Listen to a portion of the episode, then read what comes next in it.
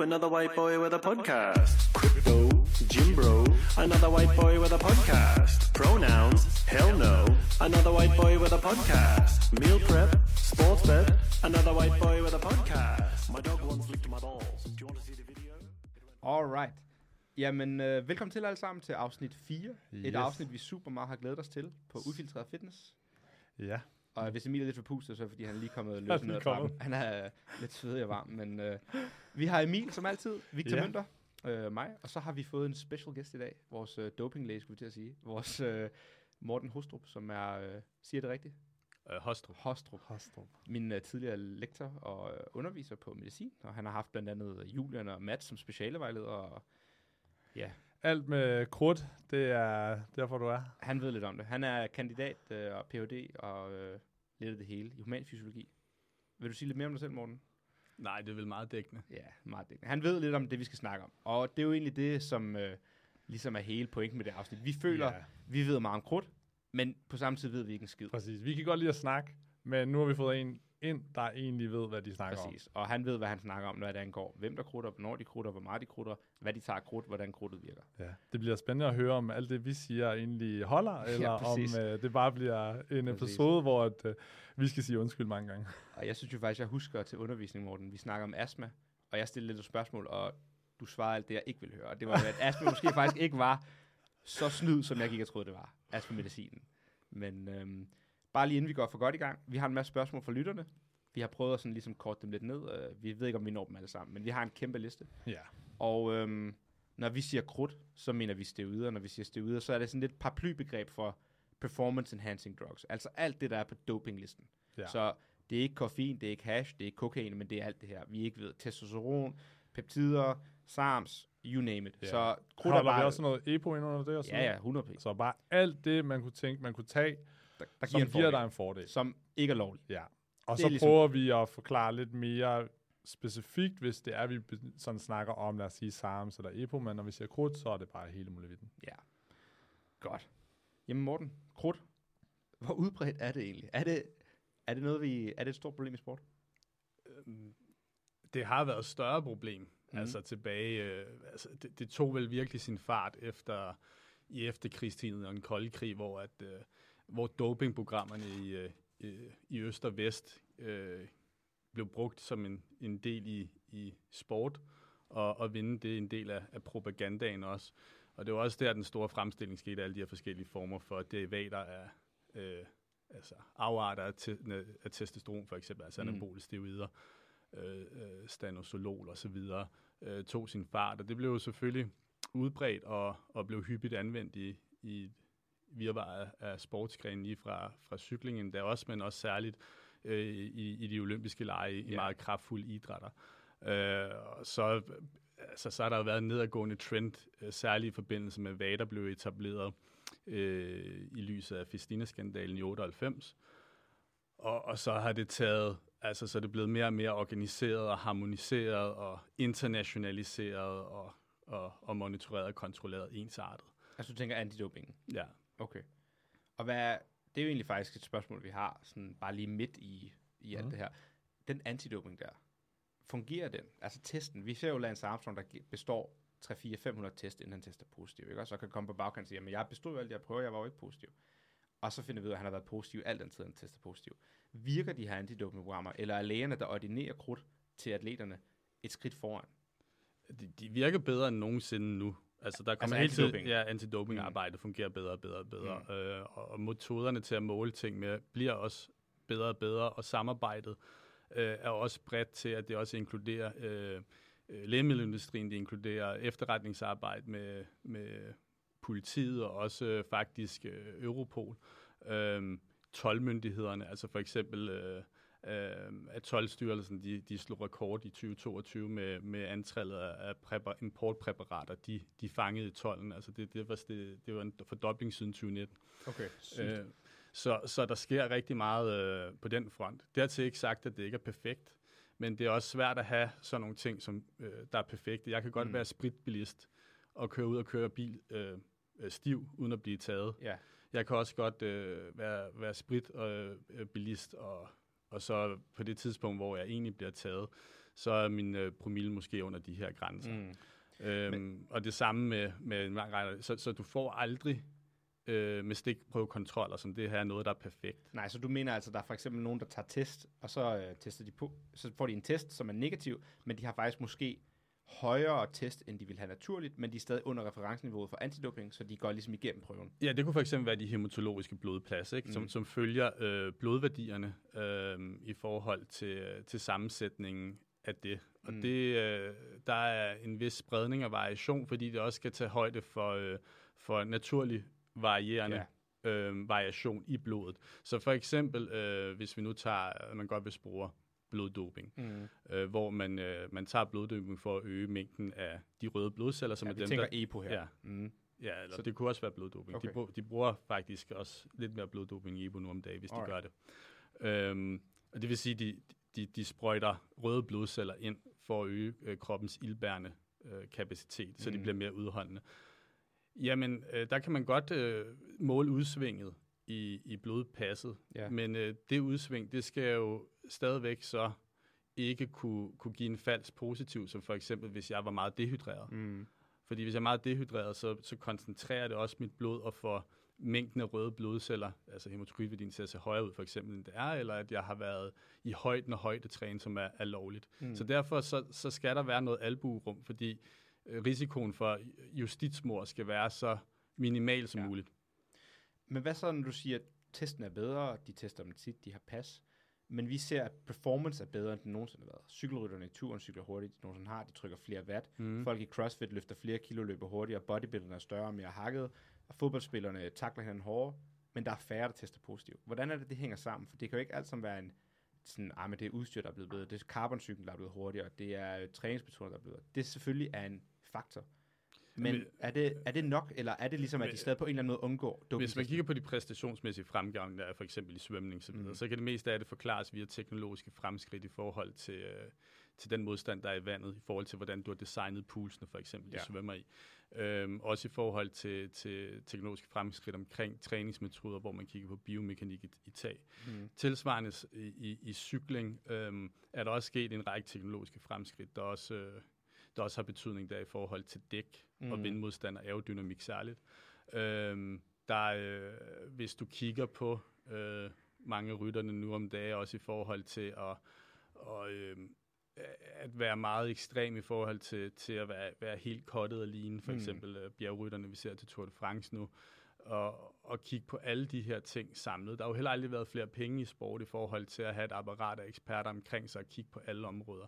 Dertil ikke sagt, at doping stadig forekommer, fordi ja, det, det gør det For også. det er det, jeg tror meget, så når du sidder og siger, at der er flere penge end nogensinde, der er flere kameraer på, så tænker vi jo også, så må der være højere incitament til at krudt. Men har de også, for eksempel sådan noget som Water og så videre, har de sådan en idé om, hvor mange de fanger? Tænker de, okay, vi får 99% af dem, eller er de mere eller mindre realistiske og tænker, okay, vi får måske, vi mangler 10%, og det er dem, vi skal prøve at hente? Man er nok klar over, at det, det, man, det man fanger, det, det er toppen af isbjerget. Og, og der er forskellige estimater i undersøgelser, og der kommer du selv med 10 procent, og det er nok et meget realistisk bud, at, at, at ud af de, øh, de 200.000 test, der tages internationalt konkurrencesport årligt, øh, øh, i VADA-regi, altså så, så ud af de her 200.000, der er der cirka 2 procent, 2 af dem, der, der, hvor man finder en eller anden analytisk fund. Hvis vi lige tager den anden kommentar, som Victor nævnte før, i forhold til det der med incitamentet for penge, så er det ikke nødvendigvis, at vi ser en, en sammenhæng mellem øh, antallet af penge i en given sportsgren og, og, og doping, risikoen, villigheden. Mm. Øh, der, er, der er nogle sportsgrene, hvor der ikke er særlig mange penge, men hvor, øh, hvor risikovilligheden til at dope er større. Så det, der typisk er den drivende faktor for, om, om atleter vælger at dope, det er... Øh, dels den, den kultur og historik, der er. Og man kommer ind i en dopingkultur, mm. så Mm. kan man se, det, det rykker ved det, og så er det også specificiteten af sportsgren. Så du har meget, meget specifikke sportsgren, hvor at der er nogle få fysiske eller fysiologiske variable, Ja. der er afgørende for præstationen. Der ser man typisk jo selvfølgelig en større risiko Ja, for, at, at atleterne doper sig. Det er derfor blandt andet, hvis man spørger om fodbold, Mm. som er den sportsgren med absolut, absolut flest penge, så er det også den, hvor at der, er, der er færre dopingsager. Men det er der, jeg har svært ved at tro på, at sådan som Cristiano eller Messi, der nærmest er en institution i sig selv, der tjener så mange milliarder for så mange penge, ikke på en eller anden måde får al den hjælp, de kan få. Hvis de får en akillesruptur eller ondt i knæet, så har jeg svært ved at tro på, at de bare siger, ah, men du må rehab den som alle andre, ned til CrossFit på øh, Tagensvej nummer 5 og begynder at lave dine split squats. Altså, hvorfor får de ikke et eller andet ind i knæet, eller bloddoping, eller test? Og Ja, så, måske altså, også bare i forhold til restitution, når vi Præcis. snakker om de sportsgrene, hvor at, ligesom fodbold, der er masser af penge, og måske vil øh, sådan noget som test ikke hjælpe dem lige så meget performancemæssigt, men hvis de får en eller anden skade, at de får noget quote unquote ulovligt, eller ikke tilladt til at hjælpe dem. Det tror du ikke, de... Altså inden for, inden for, for regelsættet, øh, der kan man jo godt i forbindelse med, med sådan nogle skader, som det beskriver der, få, øh, få dispensationer til enten at tage nogle bestemte ting, hvis det er et Mm. normalt terapeutisk øje med. Øh, øh, altså det kunne være i, i forbindelse med nogle forskellige former for øh, overbelastningsskader eller inflammatoriske tilstande, betændelsestilstande, så er det for eksempel glukokortikoider Mm. der kan man godt få dispensation til, at man, man tager det, og det egentlig kan spores i konkurrence, selvom de, den stofgruppe er forbudt i konkurrence. Mm. Den er så ikke forbudt uden for konkurrence, men. Så, så der kan man godt, så, så inden for det regelsæt vil de, vil de stadigvæk bruge det. I forhold til det med fodbold, så er grunden til, at, at man kan jo ikke sige skråsikkert, selvfølgelig er der noget doping, og der er også fodboldspillere, der falder i, i, i, i dopingkontroller i ny og. Mm. Men, men der kigger man jo ikke, ikke alene på, hvad er prævalensen og incidensen, altså hvor mange positive test er der i forhold til, hvor, hvor mange man tester, men man har også alt det her med whistleblower, Mm. øh, whistleblower-ordning og, og så videre. Og, og der må man bare sige, at når man kigger samlet på, på al den viden, man får ind rundt omkring undersøgelser, så, så tyder det ikke på, at det er et særligt stort problem i, i fodbold eller i håndbold eller nogen lignende de her lignende sportsgrene. Og det er måske også, fordi det er en sport, hvor at selvfølgelig betyder fysikken, men der er selvfølgelig også talent, og du skal ligesom have en vis teknik og holdspil, og det giver jo mening. Det er derfor, du siger, at nogle sportsgrene, hvor der er et enkelt fysiologisk sådan, parameter, der er vigtig, cykling, vægtløftning, der er det ligesom godt og krudt. Lige Ja, præcis. Ja. Og det giver jo mening, og det tror jeg også, vi er alle sammen enige om, at altså, jeg har bare stadig svært ved at tro på, at en fodboldspiller eller en NBA-spiller ikke får noget, hvis de bliver skadet. Altså sådan, der er så mange millioner på spil for de her store Jamen, firmaer, jeg- og vi ved, hvad ikke undskyld, hvad øh, FIFA for eksempel er super korrupt med alle mulige andre ting. Hvorfor skulle de ikke også være korrupt med noget dopingtest? Det er sådan den tankegang, jeg har, og sidder og tænker sådan, vi ved, at de lyver med det ene og det andet, og Rusland får lov til at holde World Cup, og Saudi-Arabien får lov til at holde World Cup. Hvorfor skulle de ikke også lige sørge for, at Ronaldo får lov til at få et eller andet, så han er helt hurtigere, eller Messi får lov, så han kan spille finalen? I, Også fordi det er jo quote unquote godt for sporten, hvis Præcis. de er med. Så selvom de måske fanger det, vi er jo meget kritiske herovre, men selvom de måske fanger det, og de måske kigger den anden vej. Ja, men det, det, sådan kunne det måske også godt have været tidligere, men, men FIFA er, er jo rent faktisk øh, en af dem, der skriver under på, på VADA-kodexet. Så, det, så det er som uafhængig instans, er det jo så VADA, som der, der, der, der varetager mm. monitoreringen i, i fodbold også. Øh, og altså, ikke at jeg siger, at der ikke kan, kan være snyd, det så vi jo også i, i forbindelse med, med Rusland, i Præcis. forhold til, at de, øh, de fandt finurlige metoder til at, til at ombytte forskellige Ja, for prøver. vi har alle sammen set Icarus, og jeg tror, alle, Ja, der lytter ja. med her, har set Icarus. Og der sidder du her, og så siger du for eksempel, at det er uafhængigt, de har underskrevet det af VADA, og så sidder jeg og tænker, de er voksne mennesker, de kan snyde lige så godt som alle. Altså, ja, de kan også sige A og gøre B. Ja, men så igen, altså, jeg tror, øh, jeg tror ligesom man, man med korridorsnakke og, og, og whistleblower og sådan noget Mm. der, at, man, at, at det så vil simre lidt mere, Ja. ligesom det har gjort i andre sportsgrene. Nu nævner du selv NBA. Øh, mange af de her amerikanske sportsgrene er jo lidt mere, om man ved det vilde vesten, hvad det angår, øh, i, i forhold til, til, til, til de dopingreglementer, de følger. Ja. Ja. øh, og er Altså NFL. og, og Ja, altså. privat ejet ligaer, Ja, og, og laver jo så regelsæt. Der er jo ikke nogen, altså der er jo ikke nogen, der tvinger øh, bestemte forbund eller organisationer til at, til at øh, tilslutte sig VADA's Nej. kodex. Øh, altså, det, er ikke, det, det er ikke nogen, der er, der, det, der er tvunget til det. Nej. Det er jo Det er også jo det noget, vi synes ja. er meget interessant, der er i CrossFit. Der bruger de en anden end VADA, som er privat, Som så jeg i hvert fald sige. ja. De behøver i hvert fald ikke offentliggøre det, ligesom VADA gør, når de fi- finder nogen. Præcis. Og det er jo noget, hvor vi synes, det er meget sådan suspekt, i forhold til, at i stedet for at bruge VADA, hvor at det var vil, blive- vil blive offentliggjort med det samme, så bruger de et firma, eller hvad man vil kalde dem, som kan teste, og så give dem, altså CrossFit, resultaterne, og så kan de selv bestemme, om de offentliggør dem. Så CrossFit sidder ligesom med al magten til at publicere Ja, og det er jo den så tredje parts. og det er øh, lidt info. mere fishy end, end. FIFA, som du nævner før. Og der, men der siger de jo også, CrossFit skriver også i deres regelbog, at uh, we may release the statements 24 hours after receiving it. Men det er det her med, at de skriver, we may Ja. release. De sidder jo i princippet med al magten. Og det er også Mm. det, jeg sidder og. Så skal det godt være Infantino, eller hvad han hedder her i FIFA, sidder og siger, at vi har underskrevet VADA. Men når der er milliarder på spil, så tænker jeg bare, at de her backroom deals, der sker, man ikke hører om. Og Men igen, det er konspirationsteori. Og det er derfor, vi har dig med, fordi du siger, at, at den her whistleblower-snak, den fylder ikke så meget i fodbold. Eller... Ja, fordi vi er jo meget negative. Er du, er du forholdsvis positiv omkring doping-scenariet i sport generelt? Fordi jeg tror, at vores holdning er, at hvis man er på podiet, så er man jeg, dopet. Jeg er mere positiv, end, end, end jeg har været tidligere, men jeg er heller ikke naiv. Nej. Altså, Nej. jeg er med på, at, at, at, at det, vi ser i stikprøver, ikke nødvendigvis repræsenterer det reelle problem. Mm. Nej. Og det kan man jo så se på sådan nogle lidt mere anonyme spørgeskemaundersøgelser og så videre, hvor man, hvor man sådan tester atleter anonymt inden for miljøerne. Der ja. passer det nok lidt mere med de øh, 10 procent, øh, Så som, der er- som, som du siger. Så der kommer spørgsmålsskema ud, og så siger folk simpelthen, at øh, for, også fordi det er selvfølgelig er anonymt, Anonymt. at de er krudtet. Og der kan man se de 10, de 10 procent. Bare lige for at være... Ja, det, og det altså, så kommer selvfølgelig an på, hvilken sportsgren du spørger. Men det er jo bare Ja. sjovt, for jeg tænker, du ved, når man, det er også et andet spørgsmål, vi har, men hvor udbredt det er i almen befolkning. Vi ser jo folk, som du siger, der er ikke nogen prævalens øh, i forhold til, hvor mange penge der er i en sport, og hvor meget folk krutter. Øh, folk krutter uden grund også. De kan krutte for at se godt ud, når de skal på natklub, og de krutter for at være stærkere nede i Fitness World, uden at tjene penge på det. Men hvis jeg var kom fra et eller andet land, uden nogen øh, særlig fremtidssyn, og der kom en og sagde til mig, du kan blive pro i den her sport, hvis du tager de her piller, så kan du tjene 10 millioner og købe et hus til din mor og far og komme væk fra slummen. Altså, jeg havde taget det i sekundet. Hvis du spurgte, mig, nu, ville jeg, 100%. hvis du spurgte mig nu, ville jeg gøre det. Mm. Jeg vil droppe en læger, ja, for 10 millioner kroner og, øh, og tage krudt. Altså, for sure. Og så, kan jeg bare, så sidder jeg jo bare og tænker, er det mig, 20, 20 mand tror alle øh, stjæler? 20 tror alle mand stjæler? Eller er det bare...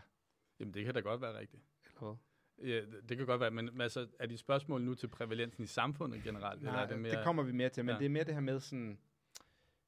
Jeg kan bare ikke se, hvorfor de her folk ikke skulle tage det. Hvis du bliver tilbudt som sportsmand, ikke også? Hvorfor skulle du ikke tage det? Ja, det vil, altså det, det vil risikoen for, altså for de flere, mange af dem der, der, vil, der viser der nogle undersøgelser, at, og der er vi tilbage til nogle af dem, der blev bragt i Sports Illustrated tilbage i, uh, i 98, der viste, at, at hvis, hvis atleter kunne blive tilbudt et dopingpræparat, de vidste, der var præstationsfremmende, og de ikke vil blive opdaget, vil de så være villige til at tage det. Der var 98 procent adspurgte der at være villige til at 98. tage 98 procent, det vil sige alle mere eller mindre. Ja, præcis. Så bliver de så også spurgt, okay, men hvad nu, hvis du kan tage det her præstationsfremmende præparat, du kan vinde alle konkurrencerne i din disciplin i fem år i streg, men at du så ved, du ved, du ikke bliver opdaget, Mm. og du efterfølgende sidenhen vil dø, på grund af, at du har taget det, vil mm. Du så stadig tage det. Og der vil halvdelen, 50 procent stadigvæk gøre det. Altså, så det viser også, at der er en ekstrem Det synes jeg var meget sigende. risikovillighed. Men jeg skal sige, at de nyere undersøgelser viser også, at der er sket et lille kulturelt skift, at, at i nogle af de her tilsvarende spørgeskemaundersøgelser, der kan man se, at, at de begynder at være, øh, der er færre, der vil tage det, hvis de får tilsvarende spørgsmål. Mindre risiko. Ja. Ja. Ja, men det, det er jo svært at sige, om det er fordi, øh, at, at de sådan har en bevidstgørelse om, hvordan man i tale sætter det, når det egentlig kommer til stykket, om de så vil gøre det. Så det er to vidt forskellige diskussioner. Det er også det, man skal passe på med nogle gange med spørgeskemaundersøgelser. Men det er også det med krudt, at jeg tænker i hvert fald, at back in the day, der fik man det til at lyde meget farligt at tage det. Som om man reelt kunne dø om 20 år, hvis man begyndte at tage krudt og så videre. Er det så farligt, som man måske tror, det er? Ja, altså bivirkninger, tænker du? Ja, altså du får forstørret hjerte, og så får du hjertestop, og så dør du. Det er jo sådan noget, jeg sådan plejer at tænke. Hvis jeg tog krudt, okay, men så risikerer jeg, at jeg om 20 år... Om så der, er, der er der- ikke nogen tvivl om, altså på tværs af af lande og undersøgelser, øh, hvor man kigger på befolkningsundersøgelser og, og kigger på misbrug, og folk, der har misbrugt forskellige former for dopingpræparater, at så er risikoen for at dø større. Mm. Der er lavet undersøgelser, øh, også blandt andet i, i Finland og i Danmark, og det viser cirka, og det, er, jo, det er jo så steget misbrug, og, og de giver den nogle gange typisk ret meget gas, jamen Ja. der er, øh, er risikoen for, for at dø 3-5 gange højere. Okay, og hvad hvis... Fordi jeg tænker, at hvis man doper i elitesport, så har man jo en eller anden til at hjælpe sig. Har man nogen statistik på, hvor farligt det så er? Hvis det ikke er... Altså, eller er det det samme som misbrug, selvom man har en til Ja, for hvis jeg skulle være kritisk for de studier der, så husker jeg det noget med, at det tester man jo på folk, der ikke dyrker sport. Og det er jo folk, der har sådan poly, altså polyfarmaci. De tager jo også coke, og de tager også alle mulige andre ting, og de tager måske ikke øh, højde for alle de her ting, som en atlet vil gøre, der måske bliver regelmæssigt blodtestet og sørger for at få øh, hvad ved jeg, mælkebøttetist, eller sørge for, at deres lever bliver sund, og alle de her ting, de kan tage ved siden af, for at sørge for, at det ligesom modvirker nogle af de her bivirkninger til testosteron. Jamen altså, det er rigtig svært at lave de undersøgelser, som du efterspørger, Emil, mm. øhm, i forhold til atleterne. Øh, selvfølgelig kommer det hele an på et eller andet, øh, hvor, hvor voldsomt gør du det. Tager man cocktailpræparater? Hvordan blander man det? I hvilke styrkeforhold? Hvor lang tid tager man det? Gør man det gentagende gang? Og så videre, og så videre. Øh, men man skal lige huske på, at grunden til, at man, man overhovedet startede med at snakke om sådan rigtigt om doping og problematikkerne omkring doping i elitesport, det afstedkom så jo trods alt af, af dødsfald mm. for åben skærm, Ja. som blev koblet til brug af præstationsfremmende stoffer. Så det kom jo som reaktion egentlig på, på dødsfald, der blev koblet til det. Altså det er jo for eksempel, øh, nu er det ikke, fordi det blev bevist lige netop med den her cykelrytter, med Knud Mark Jensen, han, han kollapsede øh, under de olympiske lege i 1960, mm. øh, som følge af, af hedeslag og døde af det. Øhm, og det, øh, der, der blev det spekuleret i, at, at han, de havde fået en cocktail, han havde fået en cocktail af noget, der hed øh, Rodalon, som er en vasodilator, som, og, men det er, så, det er så ikke fundet bevist i forhold til, øh, til den efterfølgende obduktion, men det var i hvert fald det, som, som korridorsnakkene sagde. Hmm. Koblet, øh, spol frem i tiden, 1967, Tom Simpson, øh, Tom Simpson kollapser op af Mont Ventoux, det skaldede bjerg, øh, man finder spor af amfetamin og alkohol. Igen kollapser, øh, overophedning af hjernen, kan man godt sige. Mm. Øhm, og, øh, og det er jo derefter, man begynder for første gang, den internationale olympiske komité, IOC, øh, begynder at, at sige, okay, nu skal vi have et, en, en dopingregelsæt. Vi kan ikke have, at vores atleter øh, falder om og, og, og dør på, på live-tv. Mm. Det er ikke så godt. Eriksen. og det kan ske alligevel, som du siger, og sådan noget der. Men, men, men man ved bare for tidligere, når, når man havde det her helt liberale system, som mm. var lidt der dengang, øh, der forekommer altså fatal øh, outcomes meget oftere, meget hyppigere. Og man ja. så, så jo også, altså der er også et eller andet med, øh, det her nævnt tidligere med, med kampen mellem øst og vest, hvor, man, hvor at, at atleterne jo praktisk talt blev brugt uh, uetisk som forsøgskaniner. Ja, ja. Og så kan man sige, okay, er det frivilligt eller ikke frivilligt, men, men hvis, hvis der er nogen, der kvæg, at, at det er deres levevej, som ja. du nævner, bliver skubbet ud i, i dopingprogrammer, som sker under i de her tilfælde kontrolleret forhold af ja, øh, sov, sov, sov, sovjetiske læger og, og forskere. Øh, der var outcomesen jo øh, af det heller ikke særlig godt, og konsekvenserne er, er særligt det, vi så i Østtyskland, øh, på, på særligt de her øh, olympiske svømmere. Mm. Øh, det har jo været fatalt sidenhen med, med infertilitet, med selvmord og, og, og dødsfald. Øhm, jeg husker og, nogle af de studier, hvor at, jeg tror, det var nogle af de her sovjetprotokoller, hvor at vægtløfterne, kvinderne, øh, kunstigt befrugtede de, for at få en stigning i deres hormoner. Også, også og så fik de en abort, og så kørte de ligesom en cyklus øh, hver, hver anden, tredje år, fordi så kunne de ligesom få en naturlig stigning ved siden af deres... Øh, Ja, det er helt vanvittigt. Ja. Hvad hedder det videre? Hvor de ligesom kunstigt befrugter kvinden, så ja. har de lige de her to-tre måneder, hvor de har en forhøjet hormonproduktion, og så giver de en kunstig abort, og så kører de ligesom den der om og om igen. Og det har jo så siden han givet dem infertilitetsproblemer, og mm. ikke kunne få børn, og som du siger, depression, selvmord osv. Og det viser bare, at folk er altså villige til at gå rigtig langt. Og det kan godt være, at det ikke er selvvalgt, at det måske er statssponsoreret, at de bare har fulgt med. Men der har altså sket nogle crazy ting back then. Ja, det må man sige. Ja. Og, og det, det er også det, man skal huske på, når man snakker om, okay, altså, skal, man, skal, skal vi fjerne det her helt, altså bare gøre det helt frit. Mm. Det var altså øh, øh, det, det vilde vesten. Ja. Men tror du stadig ikke, det er det i nogle lande? For vi ser jo i vægtløftning, for eksempel, olympisk vægtløftning. Øh, der er jo rigtig mange nu, der ryger på bagkant på de her test, hvor de tester blodet tilbage fra 2012. Men Rusland, Bulgarien og Kina dominerer stadig. Altså fuldstændig. Hvis du går ind og kigger på vægtklasserne, hvem der har vundet guld, så ser du bare det røde kinesiske flag med en guldstjerne. Altså, de har 99 ud af 100 verdensrekorder, ikke også? Og de er også bare langt og de foran. er meget bedre. Ham, der vandt i, jeg har lyst til at sige, 77 kilo klassen, han gik ud og powercleanede den vægt, der var den tungeste af dem alle. Så han altså skulle ikke engang ned og squat. Det svarer til, at der er en bjergrytter, der bare sådan sætter den 10. gear, og så sprinter han forbi de andre. Ja. Altså, som Løber. bare ligger i første gear og chiller op, ikke også? Altså sådan, det var helt sindssygt. Så vi tror jo stadig, eller næsten ved, at der må være noget statssponsoreret. Især efter Icarus, den er for hvad? Seks år siden? og det var i Rusland. Vi tænker stadig, de her slyngelstater, der må være et eller andet. Er du enig i det? Og så er Vesten her, Europa især, når du snakker kultur, måske lidt bagud. Der er det mere op til individet. Der er ikke nogen tvivl om, at der er nogle stater, som, som er nogle slyngelstater, for at bruge dit, dit ord. Der er, der er Rusland jo heller ikke helt fin i kanten, hverken nu eller historisk. Øhm, så så det, der, det er da klart, at der er også nogle... Øh, nogle lande, der har det, man kalder VADA-akkrediterede laboratorier, som mister deres akkreditering, fordi Mm. de kan finde nogle, noget tjusk eller fiksfakserier. Mm. Øhm, så, så det er ikke et problem, øh, der er lige let at komme ud over. Nej, men jeg kan nemlig også huske, der var historie med de iranske vægtløftere. De skulle, ligesom når USA skal ind og kigge, om der er uranium, og de laver atombomber, så sender de ligesom deres øh, hold ind. Så skulle de gøre det samme med VADA, skulle ligesom søge for at få lov til at komme ind i Iran, og så skal jo søge et øh, visum, hvis mm. du nu er VADA-agent. Og så sad dem på ambassaden, der udstiller visummet. Så ringer de jo hjem til Iran og siger, der kommer altså en VADA-fyr med visum om tre måneder, så sørger de for, at jeres atleter cykler af.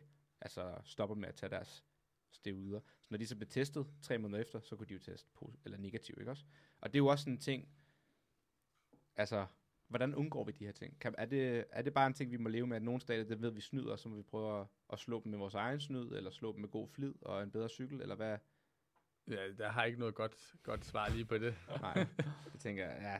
Men jeg synes svært. også, bare for også at hurtigt gå tilbage til det her med, hvor farligt det er. Mm. I mit hoved føler jeg jo, at det, det eksisterer på et spektrum.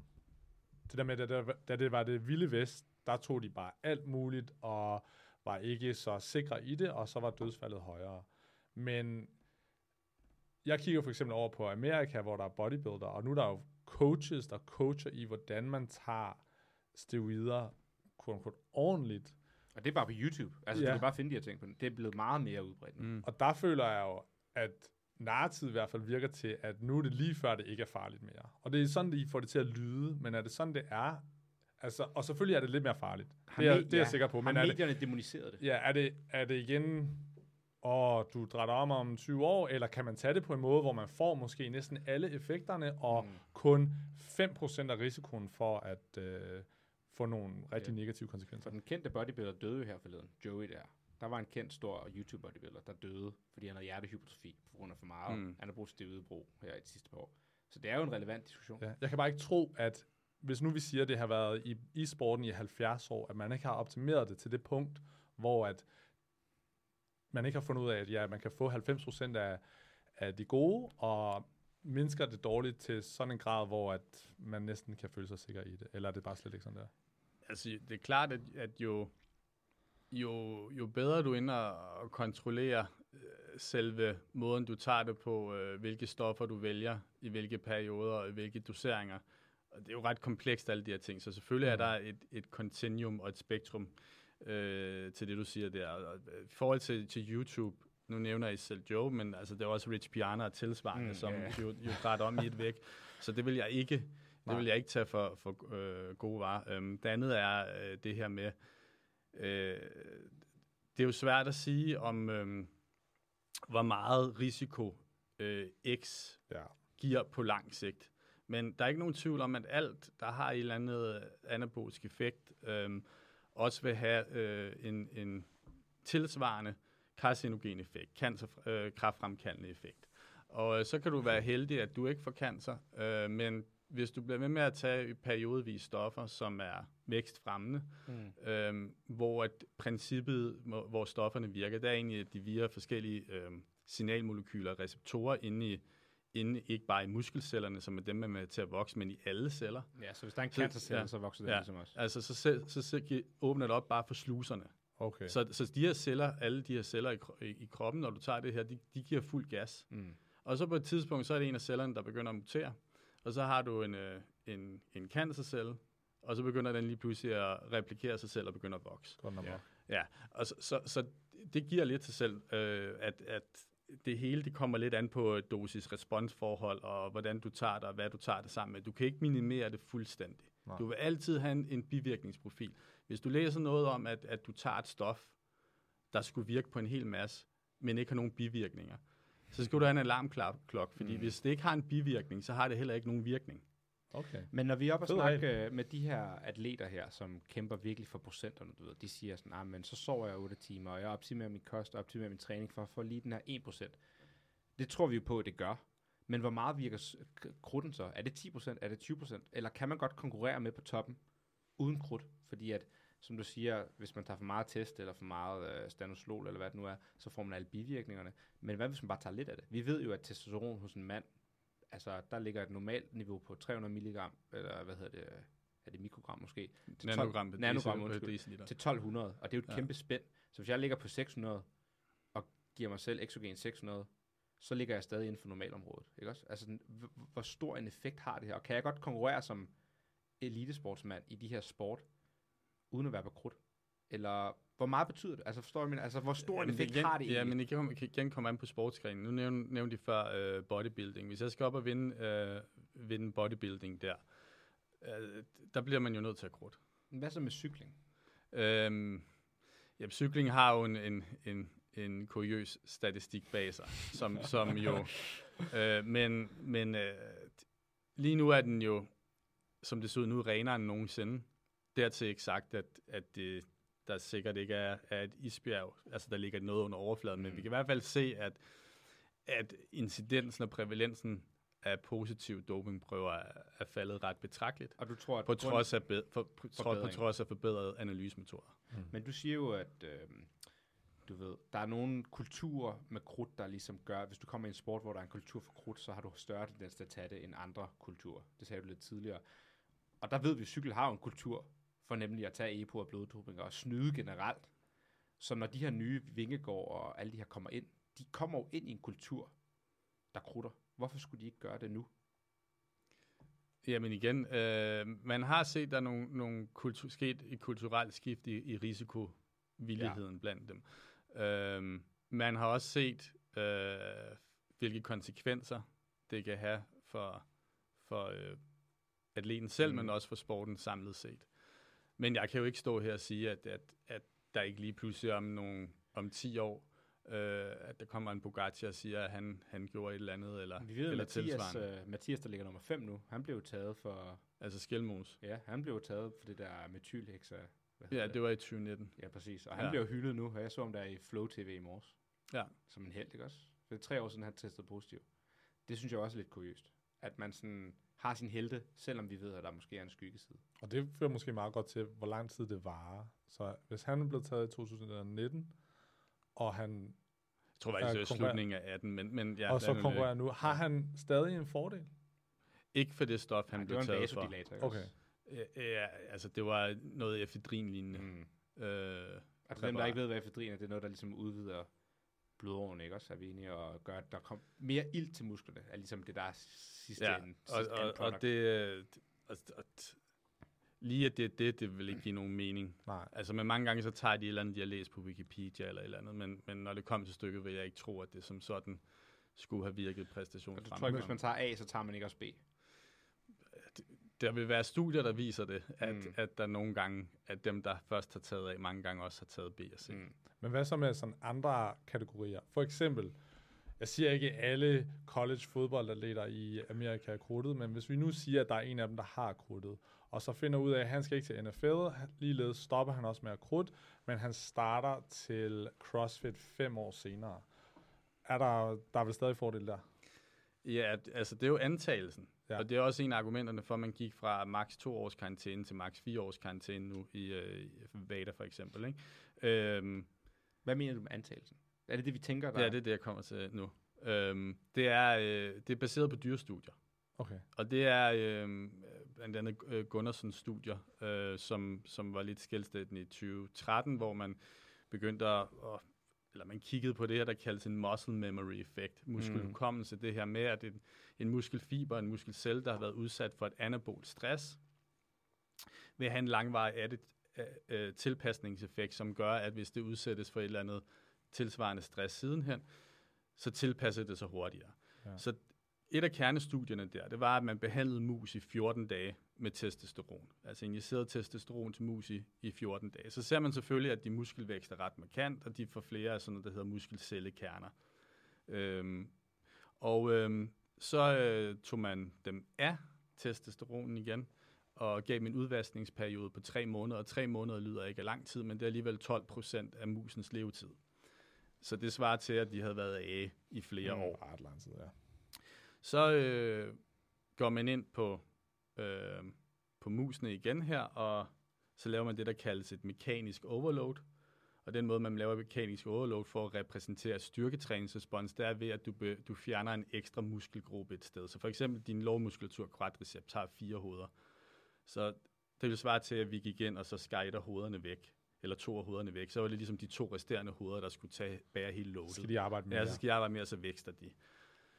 Så de mus her, der var blevet behandlet i 14 dage med testosteron, og havde haft de her efterfølgende washout, så når man lavede den her mekaniske overload bagefter, der vækstede de 20-30% mere, end de mus, der egentlig bare havde været behandlet i 14 dage med saltvand. Mm.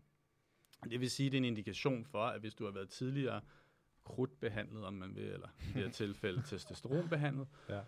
øhm, der har været en langvarende tilpasning, som gør, at, at de her muskler, de hurtigere kommer responderer kraftigere til, til et, et nyt stress, og det er i tilfælde mekanisk stress. Men, er der, men der er ikke nogen studier på mennesker med det? Vi er lige nu i gang med at lave det første på mennesker. Okay, Men- fedt. Men det er jo bare en ting, jeg så også må... F- du får det til at lyde, fordi det kun er på mus, som om, at det ikke måske er den rigtige antagelse. Er det det, du lidt fisker mod, eller hvad? Fordi jeg tænker jo, vi ved som sportsmænd, muskler er ikke det eneste. Der er ligamenter, der er brusk, der er knogledensitet, der er alle de her ting, der også spiller en rolle. Og hvis jeg nu øh, kan krudt i en ung alder, og blive rigtig stærk, og stoppe med at krudt, så er jeg ligesom allerede fået det, hvad hedder det, altså kommet Fordel. den fordel og ligesom kommet frem i køen og måske blevet røget på landsholdet og fået en bedre træner, som så giver mig bedre kost og sørger for, at jeg begynder at tage det mere seriøst i en ung alder, så giver mig en fordel frem for en anden 20-årig, der ikke har krudtet og ligesom naturligt skal igennem alle de her processer, som så måske spilder nogle år. Plus jeg er stærkere, har stærke ligamenter, stærkere knogler, som jo ikke forsvinder efter at stoppe med krudt. Er vi enige om det, eller synes du kun, det er en effekt på muskler? Nej, nej, jeg synes ikke kun, det er en fest på muskler. Nu starter jeg med, at, altså, grunden til, at jeg siger, at det er en antagelse, det er fordi, når vi, når vi har alt det her med, med at samle data ind og evidens ind, så vil vi helst gerne have, at, at vi har det, der kaldes cause and effect. Mm. Det vil sige, at vi under kontrolleret forhold ved, at vi har manipuleret på et eller andet, og så kan vi måle effekten igen bagefter. Det er derfor, vi laver de her øh, studier, hvor man har øh, lodtrækningsstudier, hvor man har dem placebo-kontrollerede kontro- øh, studier med det, og så vil man gerne have det på mennesker. Det eksisterer ikke tilsvarende det musestudie, som jeg nævnte. Mm. Det er først ved at blive lavet nu. Og Øh, det andet, det er jo sådan noget, hvor man øh, siger, at man kan se, at der er nogle associationer eller korrelationer mellem nogen, der måske altså har trænet tidligere, så, så hvis du kommer ind igen og så forsøger at, øh, at, at træne dem op igen, så, øh, så kan man se, at de måske responderer mere, men man har ikke haft nogen kontrol over, om de reelt set har trænet det, de sagde, de gjorde for 10 år siden eller 20 år siden. Men hvis vi har for Morten, forskeren, og Morten, personen, der ser på det med ikke-forskerbriller, vil du så sige, at det er måske en fordel, at man krutter og så stopper og starter en anden sportsgren? Fordi jeg tidligere tænker, ja, det er fint, du siger, vi kan måske ikke lige bevise det ved de her studier, det skal vi lige bruge 20 år på, men jeg kan jo se, de er stærkere, Jamen, og de er stærkere, altså, øh, jamen, ud fra det, der ligger lige nu, så er det da klart den hypotese, man har. mm, Det vil sige, det er det, man regner med. Det, det, og det er også det, jeg tror. Det er også det, der er vores hypotese. mm. Øh, nu efterprøver vi det. ja. Men ud fra de studier, er der, har man fundet nogen som helst form for grænse? Det vil sige, er det, lige nu er grænsen jo, eller hvis man bliver taget, så er der fire år, hvor man ikke må være med. Det lyder som om på de her rottestudier, at grænsen burde være meget længere. Er der et sted, hvor lige pludselig så finder man, okay, nu er der ikke nogen effekt længere? Eller fordel. Giver det mening? Ja, de skal have karantæne i 8 år, er det du tænker, Ja, eller 12 præcis. år, eller Burde slet? de have det i 8 år? Eller er det egentlig bare, at hvis du krutter, når du er 20, så har du fordel hele livet, og det, det holder bare? Jamen altså, der er nogen, der, der argumenterer for, øh, også nogle organisationer, der argumenterer for, at det skal være øh, for nogle af de her kraftige stoffer, som for eksempel de anabole steroider, at det er det lys, det skal være på livstid. Ja. Enig. Det synes jeg også, ja. Enig. det var det, vi ville høre. men, man, men, man, men man skal forstå i det her, at, at, at, at det er jo en, en meget, meget altså, tung ja, demokratisk høringsproces, ja. hvor, hvor øh, alle øh, de nationale antidopingorganisationer byder ind, og hvor de forskellige specialforbund byder ind, og så skal VADA ligesom øh, via de, de, de forskellige input og rapporter, de får, de ekspertudvalg, de har, skal ligesom lande pragmatisk et eller andet mm. sted. enig. Og, og i første omgang, der har det så været det her med at gå fra 2 til 4, hvilket jeg synes lyder rimeligt nok. Mhm. Så går diskussionen så på nu, om, om, om man skal, skal gøre det endnu mere øh, øh, strikst. Men det, men det er klart i forhold til det, du nævner med altså, tilpasninger i scenevæv og alle de andre ting. Jo, altså så, selvfølgelig er der nogle af de her effekter, der, der øhm, øh, altså, i, aldrig bliver helt irreversible ja. igen. Altså aldrig vender helt tilbage til, til normalen, det var før. Ja. Men Hvordan vil du sige, øh, at Vada, er det en politisk stilling egentlig, dem der sidder i toppen? Bliver de, øh, hvordan bliver de udnævnt? Er det sådan, at ved vi om Vada egentlig sådan er uafhængig, eller er der lidt politisk fiksfaks i Har toppen? der ikke været ballade med Vader i forhold til, at der er folk, der er blevet smidt ud og så videre? Eller er det bare mig, der finder på ting? Jeg ved det sgu ikke, det er det, jeg spørger om. Ved du noget om det? Jamen altså, et- Vader er jo altså overordnet et... Altså, der, selvfølgelig er der politik i det, fordi det overordnede er, at der er dels IOC, som sponsorerer en stor del af Vader. Nå, det gør de. Så IOC sponsorerer Vada. Ja, en stor del af Vader. Og vi hvad er IOC, bare lige for... International, Olympic øh, øh, Committee. International Olympisk Komité. Okay. Og Og dem ved vi. Og, og, og selvfølgelig øhm, er, er der et, øh, et, Ja. et, et executive branch, hvor der er nogen, der vælges ind, Mm. altså præsident og så videre tilsvarende. Og der er også øh, altså der er forskellige komitéer, hvor man kan udpege folk, der bliver og personer, der, bliver, der kan blive valgt ind. Og, og, og det er jo så til gode se alle de her forskellige øh, institutioner, Mm. som nu kalder vi det politiske, men altså reelt set alle idrætsorganisationer som sådan er, har jo en eller anden form for politi, øh, Ja, og sport er jo Ja. politisk. Ja, det politisk i er, og OL er jo politisk i kernen. Altså, Ja. ja. det er Ja. det jo virkelig. Det er også sjovt, de siger, at vi holder politik uden for det, og det... Altså, OL er en politisk... Ja. Det, det er et show for... Men ja, det er en anden ting. Men det er jo også, altså det er jo muligt at adskille Ja. helt Ja, ad. okay. Så, fordi selvfølgelig er der politiske interesser, alt når du skal lave øh, regler og rammer Mm. og så videre. Det er jo politiske beslutninger mange gange, hvor man skal lande et eller andet pragmatisk Ja. sted. Det lyder som om, vi egentlig er enige, og, men at du er positiv over, at det går den rigtige vej i hvert fald med antidoping. Det kan godt være, der stadig er problemer, det kan godt være, der stadig er lidt politisk fix-fax, de ikke får testet alt, som de skulle, men generelt sport som helhed, så synes du, det går den rigtige vej med antidoping-testing og antidoping-kultur. Er det sådan lidt det, vi hørte dig sige? Det lyder som om, at... Ja, Ja. det, det, det, det synes vi jo jeg. glade for at og- høre. Og man, altså, man, man bliver, du får alt, det er svært at få et perfekt system. Ja. Men er det også sådan i hverdagsmennesker nede i Fitness World? Fordi jeg får opfattelsen, at der er flere og flere, der krutter nede i... Ja, almen. Ved du, hvordan almen Jamen, fedt, fedt, ja, altså, så nu springer vi så fra, fra elite til, præcis. til, til Ja. motion, og, og det er også øh, fair nok. Fordi det, det er jo måske en endnu mere interessant snak, fordi der kan man snakke om, om trends og problemer. Altså, det er, det, det, det er et stort problem. Okay, vi det har jo blevet set- værre. Jeg Ja. tror, vi alle har set den øh, nye DR-dokumentar med de her, der kører cytinol i, øh, i armene, ikke også? Jeg ved Ja, altså du- paraffinolie og så Præcis, ja. og der igen, vi Wow. snakker om poly, de har jo også taget anaboliske steroider på siden af, og coke, og drukket sig øh, bankelamme, og øh, tædet kone i weekend. Altså alle de her ting, også? Men er det sådan det, du ser, at krut- krutter folk klogt, eller krutter folk bare hensynsløst? Eller, Jamen, der er det endnu værre. Altså, der er det meget værre end i, i, i, i eliteidrætten. Hvordan vil der, du være? Altså som Jamen, Jamen, tager den- mere, eller hvad? Ja, altså, og de kombinationer og Ja. risikovillighed, de har. De er helt væk, eller Og også, Ja, bare, ja. også bare antallet af mennesker. Ja, Er det Altså, kun, det stiger ja, også. ja, ja. var altså, det unge mænd, eller hvad? Ja, hvis vi tager Danmark for eksempel, så er der undersøgelser, der, der tyder på, at, at cirka 6% af unge mænd har krudtet på et eller andet tidspunkt. 6 procent? 6%. What? Det er jo mange. Ja, det er bare- relativt mange. Det må være 20 nede i Butchers. Så Ja, var det det her, så, ja, så var det det, jeg sagde med 12, altså de her data fra 12-styrelsen, øh, hvor at man har set en fordobling, altså vi er oppe på cirka, der er cirka øh, 1200 sager, Ja. øh, 12-styrelsen har taget af, af importprodukter, Okay. okay. der er forbudte, øh, versus omkring 600 i 2019. Altså, det er sådan Ja. do- dopingprodukter. Ja, det er- peptider, ja, anaboliske steroider. Ja, det er alt og- muligt lort, der Ja. er fundet ja. på eBay og, og så For, videre, men, ikke? fordi det er også Ja. det, at ja, det er fedt, de har taget mere, men er det bare, fordi der bliver købt mere, eller er det, fordi de er blevet mere effektive i at finde det?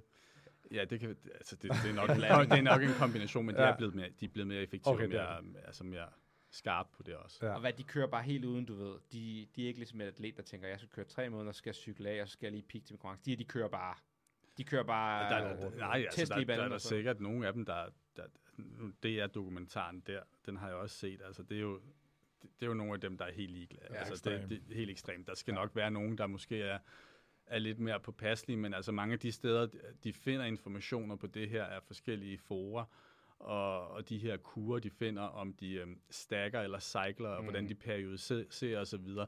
Altså, det er jo bare ja, ja. nogle mennesker, der har stukket en finger i jorden, og så sagt, at det her, altså, det, det er meget anekdotisk. Ja.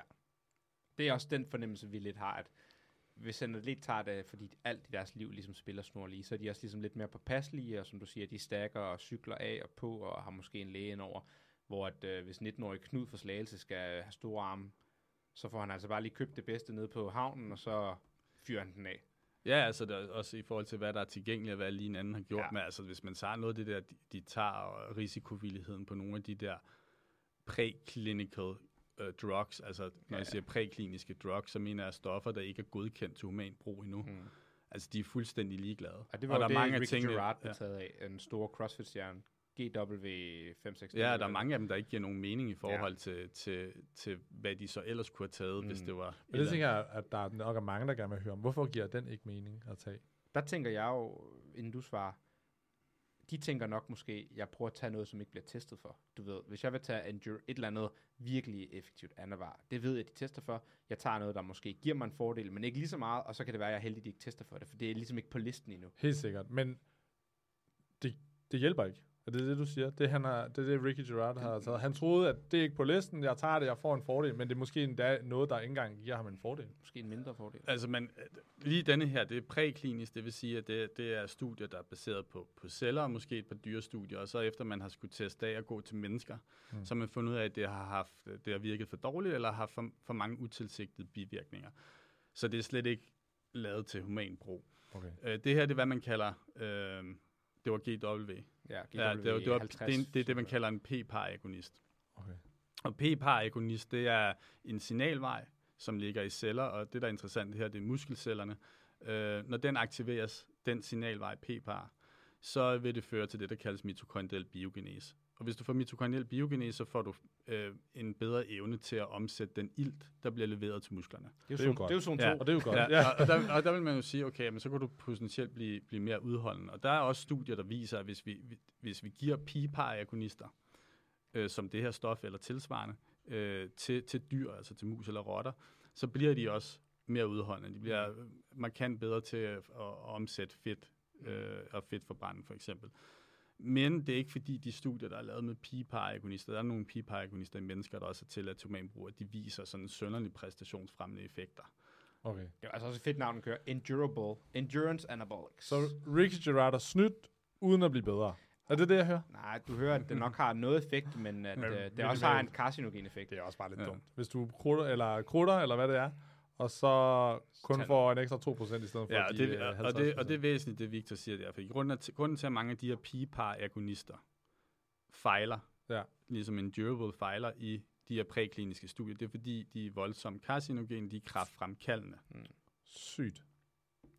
Og det er jo egentlig også øh, et spændende. Mange, der spørger her i vores øh, lyttere, det var sådan bivirkningerne. Og øh, bivirkninger til krudt. Og alle, når vi siger krudt igen, der er jo tusind ting. Der er EPO, der er test, der er Ja. ja. alt muligt. Men sådan, hvis vi bare lige snakker testosteron og bivirkninger, der er det jo sådan noget med, at vi ved, at det kan have bivirkninger på for eksempel øh, Øget organstørrelse. Ja, du kan få større hjerte, fordi det ligesom sætter gang i alle de her altså proteinsyntese, og så vokser musklen, og så får du et større hjerte, der bliver hypertrof, og så har det ligesom mindre plads inde i selve hjertet til at pumpe blodet rundt. Der kan ligesom være det her gynekomasti, altså du får øh, teopatter, tror jeg, vil sige på dansk, manboobs. manboobs, fordi at det her testosteron, der er for meget af, bliver aromatiseret, som det hedder, altså omdannet til estradiol, som er østrogen, mm. som så giver dig alle de østrogeneffekter, som kvinder får, altså større bryster, laktat, øh, mere fedt ophobning. Mm-hmm. Det kan have skade på leveren, det kan have skade på dine kar, der sådan sker en eller anden vaskulær inde i jer, øh, hvad hedder det, arterierne degeneration og aterosklerose. Så det er alle de der dårlige bivirkninger, men kan man ligesom også undgå at få dem, hvis du tager lidt mindre test? Hvis jeg nu siger ned til lægen, måske ikke her i Danmark, men i USA, hey, jeg har dårlig sexlyst, jeg er lidt deprimeret. Det er jeg ikke, men det er måske noget, jeg siger til lægen for at få udskrevet noget test. Kan jeg så godt få mængder, der giver mig alle fordelene, uden at få alle de her alvorlige bivirkninger? Eller kan man ikke få det ene uden det andet? Altså, du kan ikke, du, lige med det her kan du ikke få det ene, uden at du får det andet også. Okay. Så du får mind, altså, hvis du tager mindre doser, så får du mindre effekt på det, du vil have, men du får også tilsvarende. Men lad os sige, at jeg bare skal have, jeg skal bare have 5%, så slår jeg de andre. 5% effekt. Jeg skal ikke have meget, jeg er allerede god, lad os sige det sådan. Jamen, det er jamen, eliteatlet. Jamen, så kan du godt prøve at tage det, men altså risikoen for, at, at du så bliver, bliver taget i en stikprøve, lad os sige, at du vinder, så bliver du 100% doping-testet. Mm. Øh, og du bliver måske, der kommer efter ekstra opmærksomhed på dig bagefter også, så i de sæsonerne bagefter vil du også blive testet mere og mere og mere. De er jo relativt lange halveringstider, analysemetoderne til Mm. re- langt størstedelen af de her anaboliske stoffer er rigtig, rigtig gode. Også man, ikke alene man kigger på selve stoffet, men man også kigger på de nedbrydningsprodukter, kroppen genererer, når du har Mm. injiceret eller taget det på pilleform, alt afhængig af hvilket stof det er. Og det er også derfor, når man endelig kigger på de der positive dopingprøver, der er, så er det jo stort set alle sammen anabole stoffer. Cirka 50 procent af alle de positive dopingsager, der er i eliteidrætten, Mm. relaterer sig til anabole stoffer, fordi de er relativt nemme at spore i lang tid. Og der er ikke noget med, at man kan, fordi, det er igen det her, vi snakker med pod, hele ideen med podcastet, vi føler, vi ved meget uden at vide noget. Der florerer på nettet den her tanke om, at hvis du dumper din dopingtest, så er det fordi, du er dum. Det er en IQ-prøve. Altså, du kan lige så godt cykle, du kan cykle rundt om det, eller du kan tage masking agents, eller du kan flush det ud. Er det sådan, dem, der bliver taget af bare idioter, har, har taget det forkert tidspunkt, fordi de vidste, at jeg skal til konkurrence i februar, så skulle de stoppe i december. Altså, jo dummere du er og til det her, jo større er risikoen selvfølgelig. jo mere du tager, større, jo større er risikoen. Ja. Jo, jo mindre risikovillig du er, jo mere varsom du er, hvis du endelig valgte at snyde, Mm. jo mindre er risikoen så selvfølgelig også. Ja. Men hvis vi tager selv nogen, som de her, som troede, at de var altså, er skarpe og så videre, så, så bliver de, bliver, ser man under tiden også, at de stadig tages. Og man Mm. mm. ser også, at i takt med, at øh, analysemetoderne bliver bedre, så går man tilbage og tager nye prøver op og reanalyserer dem, og så finder man ud af, at så har man fundet en eller anden ny markør for det stof, og så Ja. falder hammeren igen. Og det er jo det, jeg synes, der er spændende, fordi i olympisk vægtløftning, der er jo mange af de her, der er testet negativt i mange år, og blevet hyldet og lavet karriere på det. Klokov blandt andet, Ja. som nok den mest kendte vægtløfter nogensinde.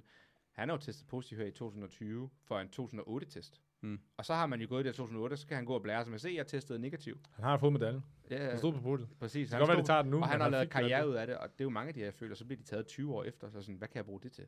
Og der er det her, jeg går og tænker, alle mine stjerner og idoler nu, hvordan er de så fucking gode? Vi træner også hårdt, vi spiser også sundt, vi, vi sover, men de er 20, 30, 40 kilo bedre end os. Er det fordi, de bare er sejre og træner hårdere, eller har bedre gener? Eller hvad er det? Altså sådan, Det ved jeg ikke, om man kan det, svare. det er bare, mit spørgsmål er egentlig bare sådan, kan man godt være med i toppen uden at snyde? I nærmest sådan, hvis vi snakker sport i en bred kamp. Måske også mere styrkesport Ja, og altså. udholdenhedssport, ligesom CrossFit, hvor Er det er meget mere fysiologisk præget end nødvendigvis skidepræget. Kan en lille dreng fra Sydjylland, eller hvor det nu er, han er fra, virkelig være med i toppen uden at snyde? Er det bare gener og hårdt arbejde? Altså, det, det er det overvejende.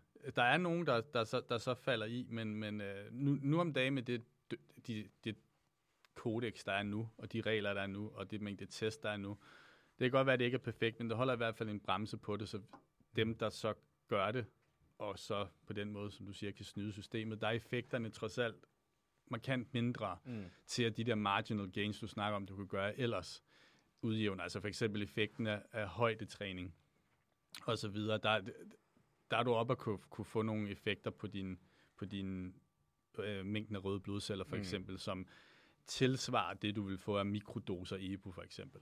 Så, så der er ikke så meget hent ved at tage den risikovillighed og, og injicere mini, mikromængder af EPO eller mikrobloddop versus at, at være god til at højdetræne. Øhm, så du, du kan godt være på toppen. Vi er bare for dårlige, Emil. Fuck, det var ikke det Men, svar, men, det var ikke det svar, jeg men, altså, lad os lige tage, altså, vi kan godt tage Vingegaard, ikke? Altså, der også er, er blevet testet, der har altså, øhm, også nogle vanvittige forudsætninger Mm. øh, og genetik, der gør, at han kan tage sig en specialiseret sportsgren som cyklinger. Vi kan også tage langdistanceløb med Indebredsen brødrene og sådan, og mange gange det er kenyanske løbere også, fordi det er også, altså ikke at sagt, det kan, at der Vi ikke ved kan, jo, at Kenya at, er jo- at der også kan ja, være doping Der doper de jo stort, ja. Øhm, men altså, der er no, en vis... Altså, du bliver ikke den bedste i verden til en given sportsgren, øh, hvis ikke, at du har generne med dig på Nej, forhånd. det Hvis ikke, hvis ikke Men du de har haft top de 10, rigtige de også forældre. konkurrerer mod, de har jo ligesom også de rigtige forældre. Altså, det er jo ikke fordi, at øh, Vingegaard og de andre i den der peloton bare er alle mulige random. Altså, de har jo også, de er jo ligesom også allerede toppen. Det er det, der er hele pointen, jeg prøver at komme frem til. Det er jo, de har alle sammen de rigtige gener, de har alle sammen den rigtige træning, de har alle sammen den rigtige kost, den rigtige søvn, og de vil alle sammen slå hinanden. Og så kommer der bare den der kultur med, hvorfor er der så en, der... Hvorfor er det, der er en, der er meget bedre end alle de andre? Jamen, det ved jeg heller ikke, om der er en, der er meget, meget bedre end alle de andre. Det er jo, det er jo, det er jo små, meget, meget, meget... Altså, vi er nede i promille procents Mm. forskel, hvis du tager cykling, for eksempel. Ja, men cykel måske ikke det bedste for. For eksempel i CrossFit, der har vi haft øh, to, der har domineret de sidste fem år. De har vundet alt i Og fem år. De har, domineret, ikke, domineret. de har ikke tabt no, Langt altså foran. Matt Fraser og en, der hedder Tia Claire. De har vundet, jeg tror hver eneste konkurrence, de stillede op i i fem år, har de vundet. Ja, men det, der viser det vel også lidt, også set i lys af de her tidligere sager, der har været, at, at der kan også være, ser ud til at være noget doping. Mm. Et, et større isbjerg, end man umiddelbart Ja. formoder ja. i Okay. den top. Jamen, det er spændende der, og vi, vi forstår også godt, at du selvfølgelig kan Ja, have og- svar på alle de ting, men... Også for at dykke ind i nogle andre, eller bare et helt andet sted, som jeg har siddet og tænkt over. Altså. Og jeg, kan, ikke- jeg er ikke helt sikker på, om du svarede det før, men lad os nu sige, at jeg krutter. Og til, o, eller undskyld, til CrossFit, der er det sådan, at man har sådan en forholdsvis lang off-season, og så til marts, der starter konkurrencesæsonen, og den slutter sådan set i øhm, august. Og lad os nu sige, at jeg er en forholdsvis ukendt crossfitter, fordi det er også det problematik, CrossFit har. Det er, at det er jo hele verden, der konkurrerer, og så stille og roligt gør de puljen mindre og mindre. Så man kan jo godt komme som ukendt, uden nogensinde at blive testet, og så begynde at dominere.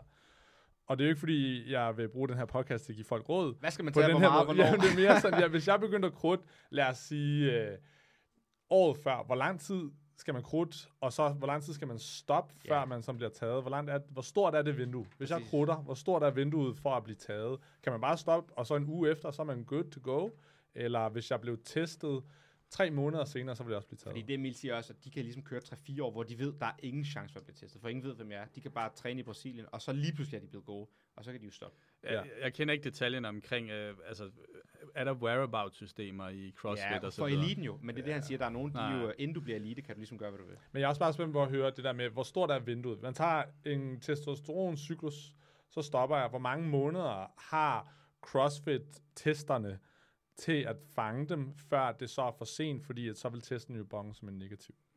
Ja, det, Er det øh, forskelligt, eller? Det, der er selvfølgelig en individuel, individuel forskel i det, og så kommer det også an på, hvilken type øh, anabol steroid du har taget, øh, hvilken type derivat af testosteron du har lavet. Der er nogen, der har lang halveringstid, og der er nogen, der har kort halveringstid. Okay. Så øhm, nandrolon bliver jo hyppigt misbrugt, Mm. fordi det har en relativt kort halveringstid, og kroppen skiller sig hurtigt af med den stanosolol, som du nævnte før, for eksempel, mm. der kan have meget lang, eller væsentligt længere halveringstid. Og bare for, hvad er kort? Er det en, Det, på det tidspunkt, der vil det typisk for de fleste mennesker være fire timer for det, vi kalder moderstoffet, altså selve nandrolonen, men så kan man spore metabolitterne et godt stykke tid bagefter. Okay. Og det er faktisk også den, der bonger typisk ud i elite-idrætten. Ja. Det, stano, øh, stanosolol og, øh, og nandrolon begge to. Og et godt stykke tid er Ja. 12 uger. Ah, der, der, der vil du være home safe. Og Okay, stan- allerede? Og stanosolol, øh, sådan som jeg husker det, så stanosolol, det er den her DHT-divirat, som er test. Ligesom, Det er begge det er test på steroider, altså det er the big boy. Okay. og det- den kan ikke aromatiseres, altså omdannes til Det er to. østrogen. Anandrolol, ikke den, man bruger til AIDS og brændsår videre, som Ja, men er, det er også, det er også en diho- øh, DHT. dy- dihydroxy Ja, ja, okay. okay. testosteron derivat. og det er ligesom, at Ja. den, du får ikke Ja. østrogen bivirkningerne, og den binder på de her androgene receptorer, så du får virkelig bang for your buck. Apropos at snakke om, hvad der er godt at bruge. Ja, Det er dem her, ikke også? sindssygt. Men øhm, Så det er vi er ude i måske to måneder, når man stopper sådan generelt, for de her, vi lige har talt til. Ja, altså, hvad hedder det? Og, så, og sådan vil det jo være med stikprøver. Ja. Altså lidt ligesom, altså, hvis, hvis, hvis, øh, hvis du har kørt øh, spritkørsel i bil, så øh, kan politiet ikke finde ud af det ved at teste dig to dage efter. Nej. Der går det så væsentligt længere her, så vi- Ja. de, de er i stand til det relativt lang tid, også uger, flere uger bagefter for ja. nogle af de her stoffer. Så, så Tror analysemetoderne er ret gode. Kan der komme en test på et tidspunkt? Jeg tænker jo sådan noget som satellitceller, og det ved jeg godt, man kan jo træne og få flere satellitceller. Øhm, men som jeg forstår det, det er jo en af de ting, hvis man tager krudt, så får man flere satellitceller, og det er det, der gør, at man for eksempel, når man, man kan hurtigere få den der muskelmasse igen, når, selvom man måske har stoppet på krudt. Er vi enige om det? Og så tror du, at der kan komme en test på et tidspunkt, hvor at hvis man sådan igen nogensinde har krudtet og fået de her fordele, så vil testen kunne sige det, eller er det bare helt umuligt at få en test, der kan sige, at øh, du har lavet testo- taget testosteron 10 år siden? Det er jo det, man håber på. Og der er også øh, forskellige forskergrupper i verden, også VADA-støttede forskningsstudier, der forsøger at undersøge det, der kaldes øh, epigenetiske modifikationer, øh, for at kunne se, om man kan, kan se på det, der kaldes histonændringer for eksempel, og det er sådan nogle molekyler, der ligger omkring dit DNA og så videre og sådan noget. Okay. Øhm, så det er der nogen, der forsøger at gøre. Der er bare ikke nogen god metode til det endnu. Det Nej. Kunne være super fedt, hvis man kan, men altså det, der tror jeg desværre, vi er langt ude i fremtiden. Okay, det er ikke noget, der lige... Nej. Okay. Hvordan, øh, nu, nu spørger du også om det den, måske den perfekte test. Så sidder jeg og spørger, altså jeg, jeg, jeg kigger tit på folk og tænker, de er på krudt. Kan man godt, er der noget, der hedder en øjetest? Altså vil, vil du godt vurdere, hvis man ved nok om det, i selvfølgelig visse sportsgrene, for jeg er godt klar over, at cykelrytterne, de er jo ikke bøf, men i visse sportsgrene, jeg føler, at jeg godt kan kigge på nogen en gang imellem og tænke, det er så åbenlyst, at man næsten skal være dum for ikke at se det. Især i crossfit, vægtløftning, øh, rugby for eksempel. Nogle af de her intense styrkesport. Ja, altså, jeg har, jeg har selv en onkel, der påstår, at han kan se på, hvilke cykelrytter, der er dopet, bare ved at glo på dem. Og den holder ikke en meter. altså, det, det, det, man kan jo ikke have et eller andet system, der er bygget sådan Nej, jeg op, mener ikke et altså. ordentligt, men bare sådan, Ja. når man snakker locker room talk. Også Ja. tre, der sidder og snakker. Eller Ja, når du selv jo, træner, når jo, du går ned jo, i fitness jo, jo. kigger du på folk og tænker, Jo, sådan, selvfølgelig er kan, helt jo, jo, selvfølgelig kan man da ikke undgå det andet det, og det gør man jo også i, i, den strategi, i det strategiske antidoping-arbejde, vil det jo Så det er et være- kompliment, når jeg bliver testet til vægtløftning. Det skal du se det som. Ja tak, jeg bliver testet Altså, sidste. Yes. ja, ja, men altså, det, skal du, det, er jo, det er jo strategisk. Ja. Ja. Altså, det giver ikke mening at gå ind og så glo på mig, og så sige, at jeg skal testes, fordi jeg ligner ikke en, der, der, der vil have taget sådan noget. Så, der, så selvfølgelig ja. er der noget strategi mm. i, i de her stikprøver, man tager. Man, man gør jo også, at man kigger på, hvilke sportsgren er risikoen størst i. Ja. Øhm, og så, så, så man laver sådan en strategisk indsats Mm. i forhold til det. Øh, både i forhold til sportsgren, hvor, hvor succesfuld har atleten været, som du var inde på før, ja. Emil. Øhm, så, og så, så, så derfor i Danmark er det jo også cykling, man tester mest i, og så er det triathlon derefter, og så kommer styrkeløft og vægtløftning. Hvad så med sådan noget, du siger, at man tester, og så kan man øh, med test for eksempel, så er det metabolitterne, altså biprodukterne, der ligesom mm. Senere hen bliver testet. Er det en ting, det her med masking agents, at de ligesom enten flusher det ud, eller tager noget andet, der ligesom dækker for metabolitten, og så er det noget andet, der bonger ud? Ja, men det er også noget af det, der, der man kan også godt spore de her masking agents. Mm. Det, det, kan, det vil det typisk være diuretika. At, øh, at det er stoffer, som, som går, sætter nyrerne i gang med at udskille øh, stoffer og vand hurtigere. Og øh, det, det er også en af de stofgrupper, der bliver testet relativt mange positive med, fordi man netop vil sløre. Ja, og så ved man ligesom, hvis du har taget spirulina eller en anden form for ja. Diuretika, loop diuretika, Ja. så er det fordi, du nok har krudtet. Er det sådan ligesom den, den ligger? Ja, ja, fordi der er jo som regel ingen grund til, Nej. hvis de har taget Furex eller et eller andet, andet kraftigt, som, som, som Det er giver mening. Et andet spørgsmål. Vi har mange. Jeg, Men vi, er også, vi skal lige være varsomme med tiden. Jeg tror, Okay, vi kører okay. en kvarter 20 nu. Okay, jeg vil bare lige stille den her. Da vi snakker om det der med grænser i forbindelse med, at du ved, der er noget, man har noget testosteron i kroppen af natur. Og så er der en grænse, hvor man må ikke komme over det, fordi så er det tydeligvis, man har krudtet. Mm. Men lad os nu sige, at den er 600. Helt naturligt kan man jo godt ligge på 300. Hvis jeg nu gerne vil snyde, det første jeg tænker, det er så, okay, hvis jeg ligger på 300, og grænsen er 600, så skal jeg bare tage nok test til at ligge på 600, Mm. og så krutter jeg jo, men jeg ligger inden for grænsen. Jeg får fordele, måske ikke lige så mange, som hvis jeg var over, men jeg får stadig en fordel, og jeg kommer ikke til at bonge ud på testen, fordi jeg er stadig inden for grænsen. Mm. Det er det mening? Er det, i mit, at, kan det lade sig gøre? Er det nemt at gøre? Er det bare lige sørge for, at det er 1 gram i stedet for 2 gram, man tager, eller er det sådan umuligt? Uh, det, det er ikke så lige til, som det du siger der, fordi øh, d- der er igen nogle, øh, nogle markører i blodpas blandt andet, øh, og endokrinologisk modul kalder man det, hvor man kigger på forholdet mellem ikke alene testosteron, men også en række andre markører, Okay. og, og kigger på for at få et mere, altså et, et mere helt billede af, hvad er det, der eventuelt har foregået. Okay. Så, så det er ikke bare sådan lige til. Okay, så det er ikke fordi, der er en million folk derude, der bare ligger krutter, men ligger på grænsen. Det er ikke sådan, det fungerer. Ja, man kan godt, altså det, det, det har været sådan lidt mere med det blodpasset med i forhold til, til hematologi. Altså alt det her med mængden af røde og, Ja, blodceller og det, man kalder præmature nemmere gøre. blodceller, røde blodceller, som hedder Ja. retikulocytter og så videre. Der kan man se nogle gange, at, at, at selvom man skulle forvente, at et etabeløb som, som Tour de France er ret stressfuldt for kroppen, og der vil det normale respons være over tid, at, at de her tal skulle falde. Der ser man mange gange, at de holder sig ret, ret stabilt. sindssygt. Og, og det det, det er er- ikke på alle, men altså, der er nogle undersøgelser, der kan indikere det. Ja. Øh, særligt, særligt for en 10 års tid siden var det i hvert fald sådan. Okay. Hvad så med sådan en, øhm, vi snakkede sidste gang om noget, der hedder tainted supplements. Altså, oh, ja. der er mange, der ligesom der tester de endelig positiv, og så kommer undskyldningerne. Mm. Jamen, jeg Mm. sp- Contador, der spiste en bøf, eller øh, min kæreste testosteron, og så gav jeg ham et blowjob, og så fik jeg sæd i munden, og så testede jeg positiv. Og man sidder bare og tænker, du er så fucking fuld. Og det er jo nogen, der har Og- sagt. ja, ja, der det var en det er ikke noget, finder på. CrossFit-dame, Det- der sagde, Ja, ja. min mand var på steroider, og så havde vi sex, og nu, øh, det er derfor, jeg er bange. Ja. Nå, for Ja, hun sagde, det var et blowjob, hun var meget eksplicit. det? Var også Nå, lidt men, voldsomt. Men anyways, ja. det her med tainted subs, det er den undskyldning, de, altså 99% de bruger tainted subs. Ja. Og det er, det er ikke nogen danskere, eller egentlig er der ikke nogen europæer sådan rigtig, og nogen grækere, der er rådet. Det er meget amerikanere, og så er det sydamerikanere og sådan østeuropæere, der ryger. Og er tainted subs et problem, fordi at der faktisk på de her fabrikker, hvor der bliver produceret øh, Bulgariens version af Bodylab, så også bliver produceret øh, testosteron, og så når maskinen ligesom ikke er blevet ordentligt vasket, så sidder der rester af det. For jeg sidder og tænker, det er jo fuld af lort. Selvfølgelig er der ikke nogen, der putter det i. Det er ikke mange år siden, at der var en dansk cy- cykelrytter, Ja. som øh, blev testet positiv efter at have taget et, øh, et, et kosttilskud, der var kontamineret. Så kan jeg spørge om, okay, men var det en dårlig undskyldning, eller hvordan ja, fandt det er man det, ud af det? tænker. Ja. Ja, der var han trods alt så kvik. Du må Ja, godt fordi- nævne navn her. Det, Ja. der var han trods alt så kvik, at han havde købt, øh, et, han har, har altid købt duplikater, han har købt to af det samme, Mm. for samme batch. Mm. Og øh, der var det andet batch, det var uåbnet, og der sendte man den til kontrol, og der fandt man kontaminationsspor af lige præcis det stof. Det første, jeg tænker, det er at sige. Ja. hvis du er så kvik, at du køber double batches, hvorfor er du ikke så kvik, at du sørger for at tage et ordentligt firma til at starte med?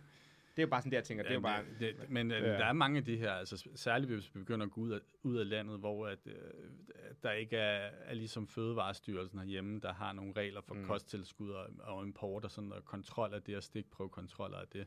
Men øh, altså, der, der forekommer eksempler på kontaminering. Altså det, det, mest kuriøse eksempel var øh, øh, U17-VM i Mexico. Jeg tror, det var 2010. Men øh, i fodbold hvor at øh, Mex- Mexico er jo et af de lande, hvor at du øh, giver klenbuterol til, til kvæg og kyllinger, for at få dem til at vækste hurtigere, således du kan slagte dem hurtigere. Mm. Øhm, og øh, der var alle de her ungdomsspillere, 16-årige knægte, indlogeret i samme område og spiste det samme mad. Og der var jo altså cirka 50, tror jeg, omkring, der testede positiv for klenbuterol. Mm. Sygt. God så, træning. så øh, den måde, man fandt ud af det på, det var selvfølgelig dels, at der var så mange af de her drenge, der testede positivt, og dels også, øh, så, så lavede man nogle analyser på noget, af- noget af de her kød, de havde fået Mm. fra det område. Og det er sådan, jeg, jeg kan godt forstå, at de her ting sker i Mexico, og det sker i Kina. Og, men i USA for eksempel, der har vi jo også en FDA. Vi har en Food and Drug Administration. De kommer også ud og sørger for, at de her ting spiller og er rimelig snorlige. Mm. Er det sådan, at det der, når de får produceret muscle mass protein et eller andet sted, er det samme øh, selskab også producerer peptider, og så sidder det bare ligesom på... Altså, jeg forstår heller ikke, fordi at testosteron, hvis du skal injicere det, så er det en flydende væske, ikke også? Og proteinpulver, det er et pulver, det bliver ikke produceret i samme maskine. Jeg forstår ikke, hvordan den her krydskontaminering overhovedet er et reelt problem. Men jeg tror også, vi ved jo, det sker, at man kan få tainted subs, men det mig og Victor synes er irriterende, det er, at alle crossfitterne siger, at åh, det var tainted subs.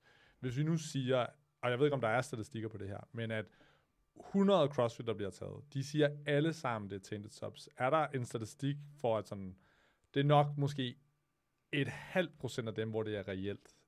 Eller Ved- er, det et ved man- er det et stort problem? Altså, jeg så, Altså, der er, ikke- jeg, jeg er ikke bekendt med nogen, der specifikt har lavet den undersøgelse, øh, lige præcis de undersøgelser, men hvis man tager nogle af de her sager, som jeg sagde før, øh, med Mm. at, øh, at der er cirka 24.000, eller ikke 24, ikke 24.000, 4.000 adverse analytical findings, eller atypiske fund i dopingprøver i international idræt. Mm. Ud af de 4.000 er cirka halvdelen anabolt, spor af anabolstoffer. Så øh, vil man sige, okay, hvor mange af dem er det efterfølgende? Så, så, så bliver der lavet en dopingundersøgelse, man beder atleten om at komme med en af forklaring, atleten forklarer et eller andet, hvor mange gange har man godtaget det. Der er det en fraktion af dem, der, der slipper igennem med, med kosttilskudsargumentet. Der er nogle stykker, der er slået igennem nåløjet med klenbuterol-argumenter omkring Mm. kontaminering. For eksempel de her med, med Mexico-sagen, som jeg ja, sagde ja. før. Contador gik ikke igennem. Nej.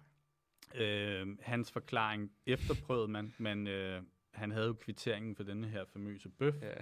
og så gik man Det er faktisk... også, hvor meget skal du Ja. have? Det er jo ikke nok i en bøf, det er det, jeg ikke forstår. Altså, du skal Jamen, det er der lavet studie, det er der lavet studie, hvor man har kunne vise. Så man skal, det er nok, Ja, ja, du kan også det er få nok, det jeg- en kyllingbryst, kan så du hvis jeg det for. spiser proteinpulver, skal jeg bare have en scoop dårlig proteinpulver, og så er der nok trace til at teste positivt. Jamen, du er enormt god til at måle klenbuterol, altså med de metoder, vi har nu om dagen. Der, Ja. ja. der kan du måle det ned i, i, i, i uh, pico, Okay.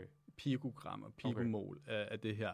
Så derfor har man også lavet sådan nogle bagatelgrænser for klenbuterol nu. Nå, fedt. Og faktisk, og faktisk med den bagatel, den bagatelgrænse, der er med klenbuterol nu, øh, der er det ikke sikkert, at Contador-sagen havde haft samme udfald, som den havde dengang. Okay.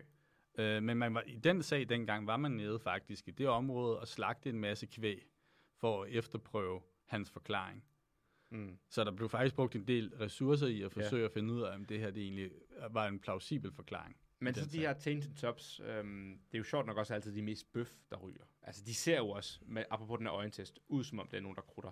Men lad os sige, at jeg tager tainted tops, og jeg så tester positiv. Har jeg så også fået en effekt? Altså, er det nok mængder til, at jeg faktisk øh, kan få nok? For jeg ved, hvis man skal teste, man skal have ret meget hver uge. Det er jo sådan noget 200 mikrogram, du skal have injiceret hver uge, eller 50. Altså sådan, hvor, der kan jo ikke være særlig meget i sådan en pose proteinpulver, tænker jeg. Det kommer sgu an på, hvor kontamineret det er. Der er nogle af de der, hvor der er max, max gas i, og hvor du har fundet, altså der er nogle af de der undersøgelser, hvor du har fundet spor, hvor du har fundet, fundet spor af, af, af 17 forskellige stoffer i nogle af de der. Og det er bare fordi fabrikken, der producerer det, simpelthen bare ikke lever op til de her kontrolstudier. Ja, det, er de, det er de ligeglade med. De skal have, at du køber det igen. Mm. Og hvis du kan se, hold da kæft, jeg har en effekt, og jeg kan mærke en effekt, jeg kan se en effekt, så Mm. køber du det sgu nok igen. Og der, er- altså, der kan man, det, de er lige så risikovillige. Og fordi vi tænker, at det firma i udlandet, der producerer proteinpulver, de har faktisk også, de producerer også ulovlige stoffer. Det er ikke sådan, at det Ja, er ja. Bodylab, der låner det samme fabrik som et eller andet. øh, Altså, Ja, det er bare det samme firma. Og nu nævner du USA, men altså det, det, det, det er et voldsomt problem i Asien, Ja. i dele af Asien. Det Ja. her. Og det er ligesom også At det, der vi kommer fra, er Sydamerika krudt Asien. i det proteinpulver, man... Øh, Ja, i Spiser. de, i de kosttilskud. og du- bevidst ja. fra firmaet, fordi de gerne vil have, at folk får resultater. Ja. Fedt. Det er derfor, man siger, Thailand er the place to go. Asien, ja. Ærligt, Burde du ikke i Bali et halvt år? Jo, det er derfor, jeg er Jeg så synes også, ikke jacked. Men så Okay. det, jeg hører, det er, at tainted subs kan godt ske. Det kan Men godt det er meget, meget, meget sjældent, når vi kigger på de folk, der bliver taget, at det egentlig er det, der er grundlaget for det.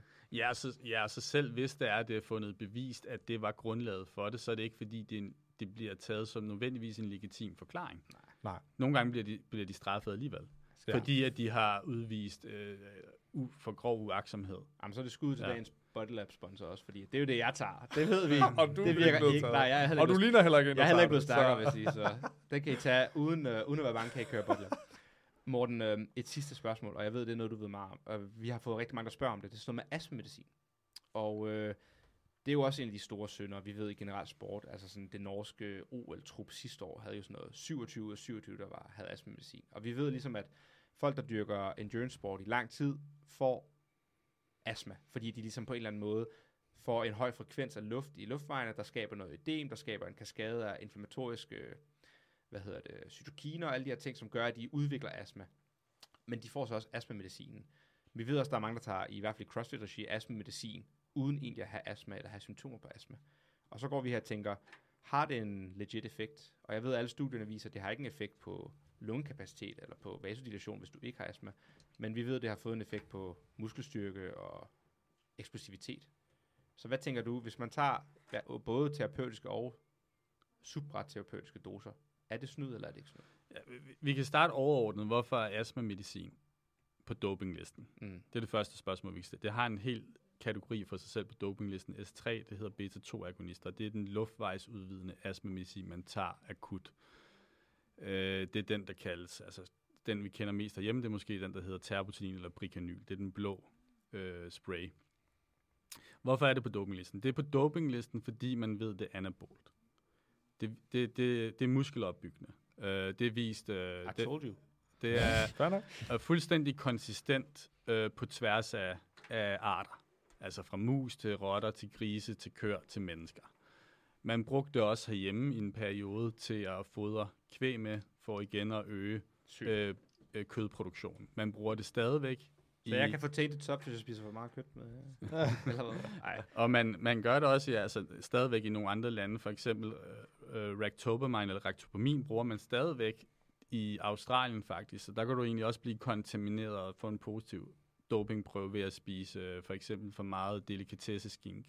Sygt.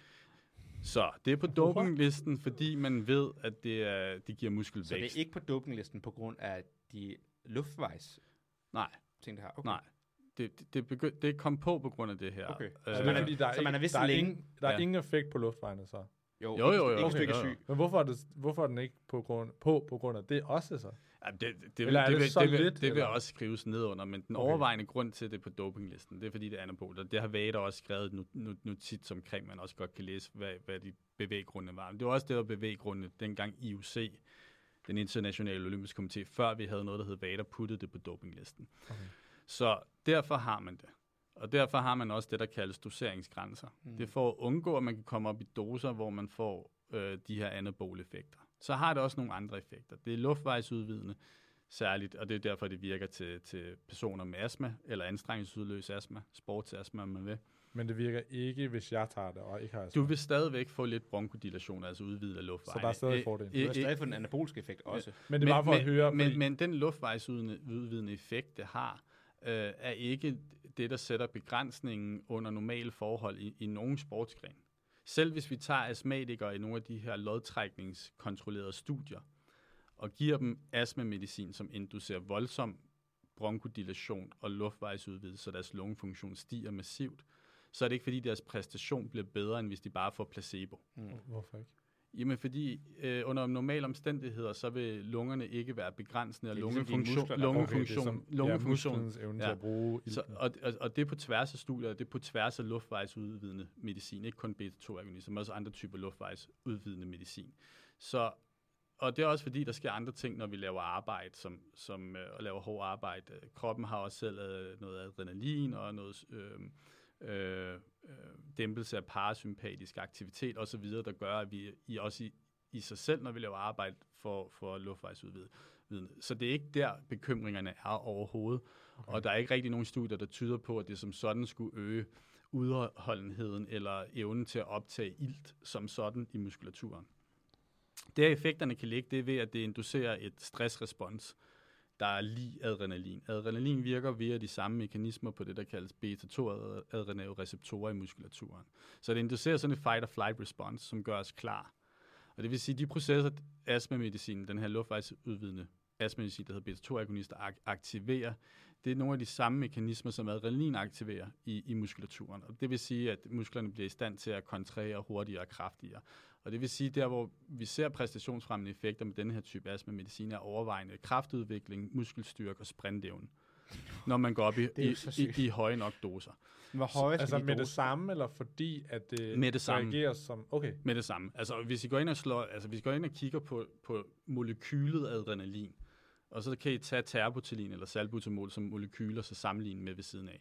De er, fuldstændig, altså, de er adrenalin-analoger, som bare har fået tilsat en carboxylgruppe, som gør, at de virker i meget længere tid. Så adrenalin i kroppen har en halveringstid på et par minutter. Så det bliver hurtigt udskilt, virker hurtigt, og, eller det, det, kroppen danner det hurtigt, virker hurtigt, bliver hurtigt udskilt igen. Terbutalin, salbutamol og lignende, de virker i mange, mange timer. Øh, så, er så, slow acting beta-agonister, ja. Sagde jeg også. øh, ja, så salbutamol og terbutalin, det er 4-6 timers virkningstid, og så er der de langtidsvirkende beta-2-agonister. Det er sådan nogle som formoterol, salmeterol, de virker i 12 timer. Og så er der også nogle nye ultralangtidsvirkende, der virker 24 timer. Men hvis man går op i høje nok doser med de her stoffer, så er der ikke nogen tvivl om, at du har en præstationsfremmende effekt på de ting, jeg lige nævnte. Og det er faktisk, hvis du kigger, Amen, brother. hvis, og faktisk også på meget veltrænede atleter. Og selv hvis du kigger på de stør, nogle af de største øh, øh, doping-skeptikere, altså nogle af de her øh, Adam Cohen og højværkerlappet, som, som ikke tror på, EPO er præstationsfremmende, de, de, de an- anerkender omvendt, at beta-2-agonister, altså luftveje, måske er, er blandt de mest veldokumenterede præstationsfremmende stoffer, der er på listen. Og det ved vi jo, alle tager næsten. Det er jo det, der er ligesom... men, de tager, men argumentet er så, at de tager det ikke i princippet i høje nok mængder til at få det. Nej, det hvis jeg går ned ja. i Butchers, jeg kan pege Og på det er jeg enig i. 25 mennesker, uden, jeg kan sige alle navne lige nu, så skal være, der, der kører astma. Vi kender dem alle sammen. Enig, men hvis de, hvis de tog det, som de fik at vide, de skulle tage det, Ja, så, så vil de det, ikke nej, få nej, den effekt. nej, altså hvis du tager det i forhold til, Nej, det til, det bare. til, hvad hensigten er, som er 1-2 sug efter behov, ikke mere end et, et par gange om ugen, hvis det er de korttidsvirkende, så, så er det minimalt om noget. Og hvor mange Ma- sug skal de tage, før vi begynder at se en effekt? Er det tre? Ej, der, der, der vil det være minimalt. Men altså, der er de mest potente af dem, altså, der, der, der har vi set det i nogle studier ved omkring 6 sug. Og, og, Hvad? Altså, bro, jeg ser folk, der tager 4-5 sug på en træning. Sygt. De, kører, de tager sug, når de kommer. De tager et sug efter første sæt. De tager et sug til opvarmning, til nedkøling og bagefter. Okay, men det, må gå, og det er også et godt spørgsmål. Skal jeg tage seks sug det, i streg? Skal det være sådan... Det, det, er jo ikke, det er jo ikke hensigten Eller- med det der. Nej, Men mere bare i og forhold til, hvis vi siger, og at folk gør det. Du Hvis vi siger, at folk gør det. Nej, blik er to det- gange, hvis vi har ret. Okay, Okay, skal jeg lade altså- spørge? Ej, hvad, Nej, men, men, men, men, nej, men prøv at høre, altså, seks sug på én gang, altså, det, det, det er jo ikke fordi, det heller ikke, igen, hvis vi kommer tilbage til bivirkningsprofilen, altså, du får takykardi, du får høj puls, øh, du får, øh, altså, du får, du kan få ledningsforstyrrelser i hjertet, ikke? Altså, hvis du, hvis du giver den for meget gas og ikke er vant til det, øhm, du, øh, du, laver, du laver elektrolytforstyrrelser, det vil mm. sige, at du ændrer på din natrium-kalium-balance, som også kan give under værste omstændigheder hjertearytmi og så Mm. videre og så videre. Så, så, så det er ikke fordi, det, det er heller ikke gratis, det her. Men det er det, jeg me- mener, Morten, med sådan, øh, selvfølgelig er, ved vi, at folk tager det for god grund, men det er bare lidt kuriøst, at næsten alle sportsudøvere på højt plan har.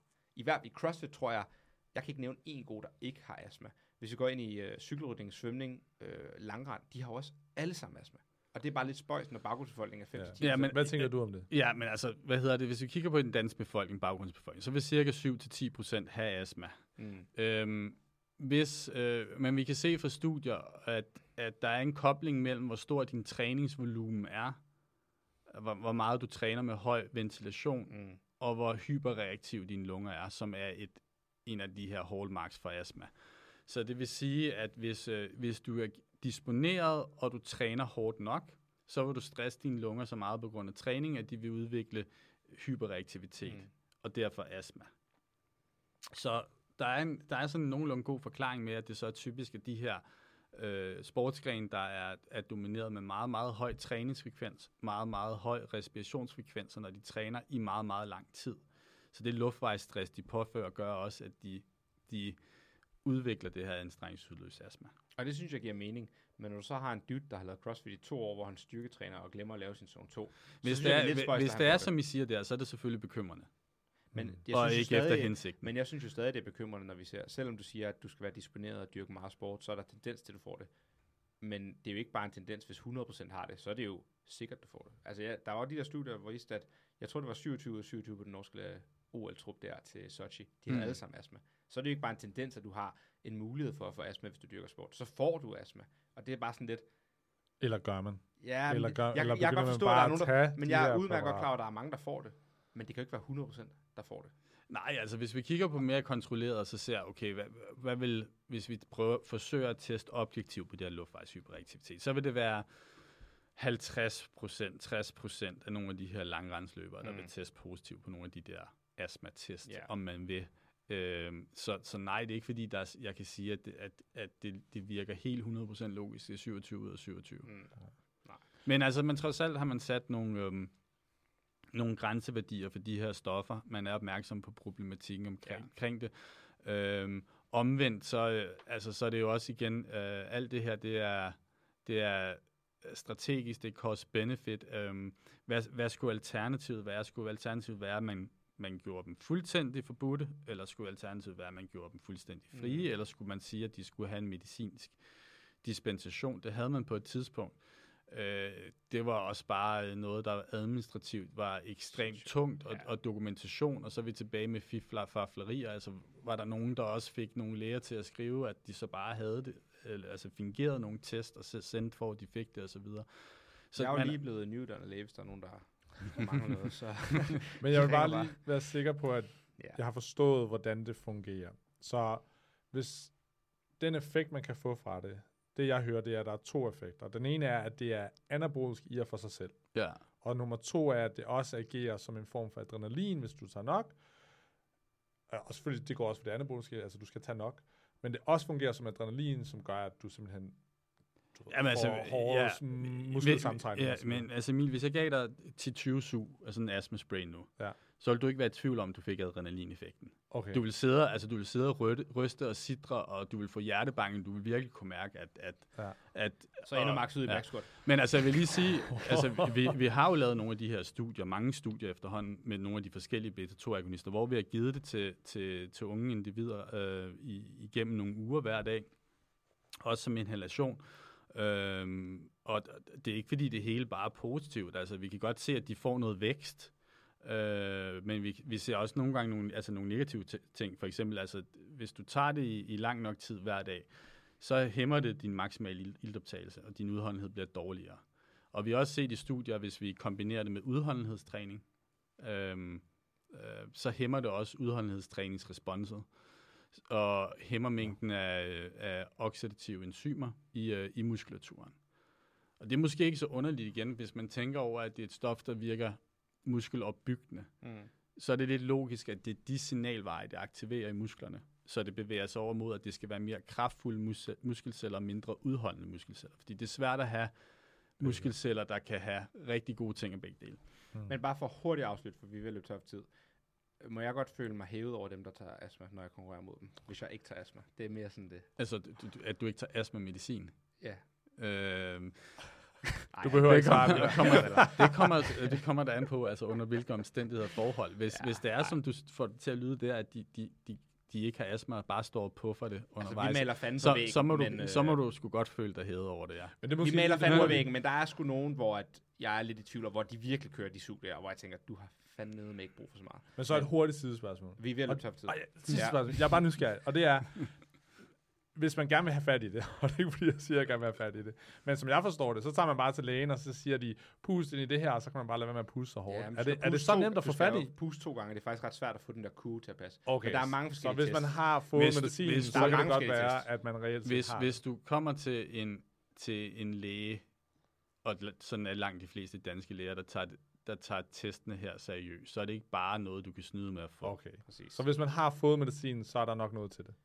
Men det er jo, hvor meget de tager. Det er jo ligesom det, vi var enige om Mm. fra start af. Vi ved, de har astma, og de faktisk måske har fået det på grund af deres sport, men behøver de tage så meget af det? det er jo Og, mere og der er grænseværdier for ligesom at dæmpe det. Mm. muligheden for, for at snyde med det. Sygt. Vi må runde af. Ja. Ja. Morten, vi siger tusind, tusind Ja, ja, tak for et det virkelig altså virkelig spændende afsnit. Jeg ville ønske, vi havde mere tid. Ja. Ja. Øh, det kan være, vi inviterer dig med en anden gang. Det, jeg håber også, du synes det. Vi håber, at vores lyttere synes, det var spændende, Ja, og vi fik svar. fedt Jeg føler, vi fik afsnit. øh, kommet rimelig godt rundt omkring. Mm. Ja, tak fordi I lyttede. Ja, og tak til Morten. Ja. Selv tak. Another white boy with a podcast. Pronouns? Hell no. Another white boy with a podcast. Meal prep? Sports bet? Another white boy with a podcast. My dog once licked my balls. Do you want to see the video? It went viral.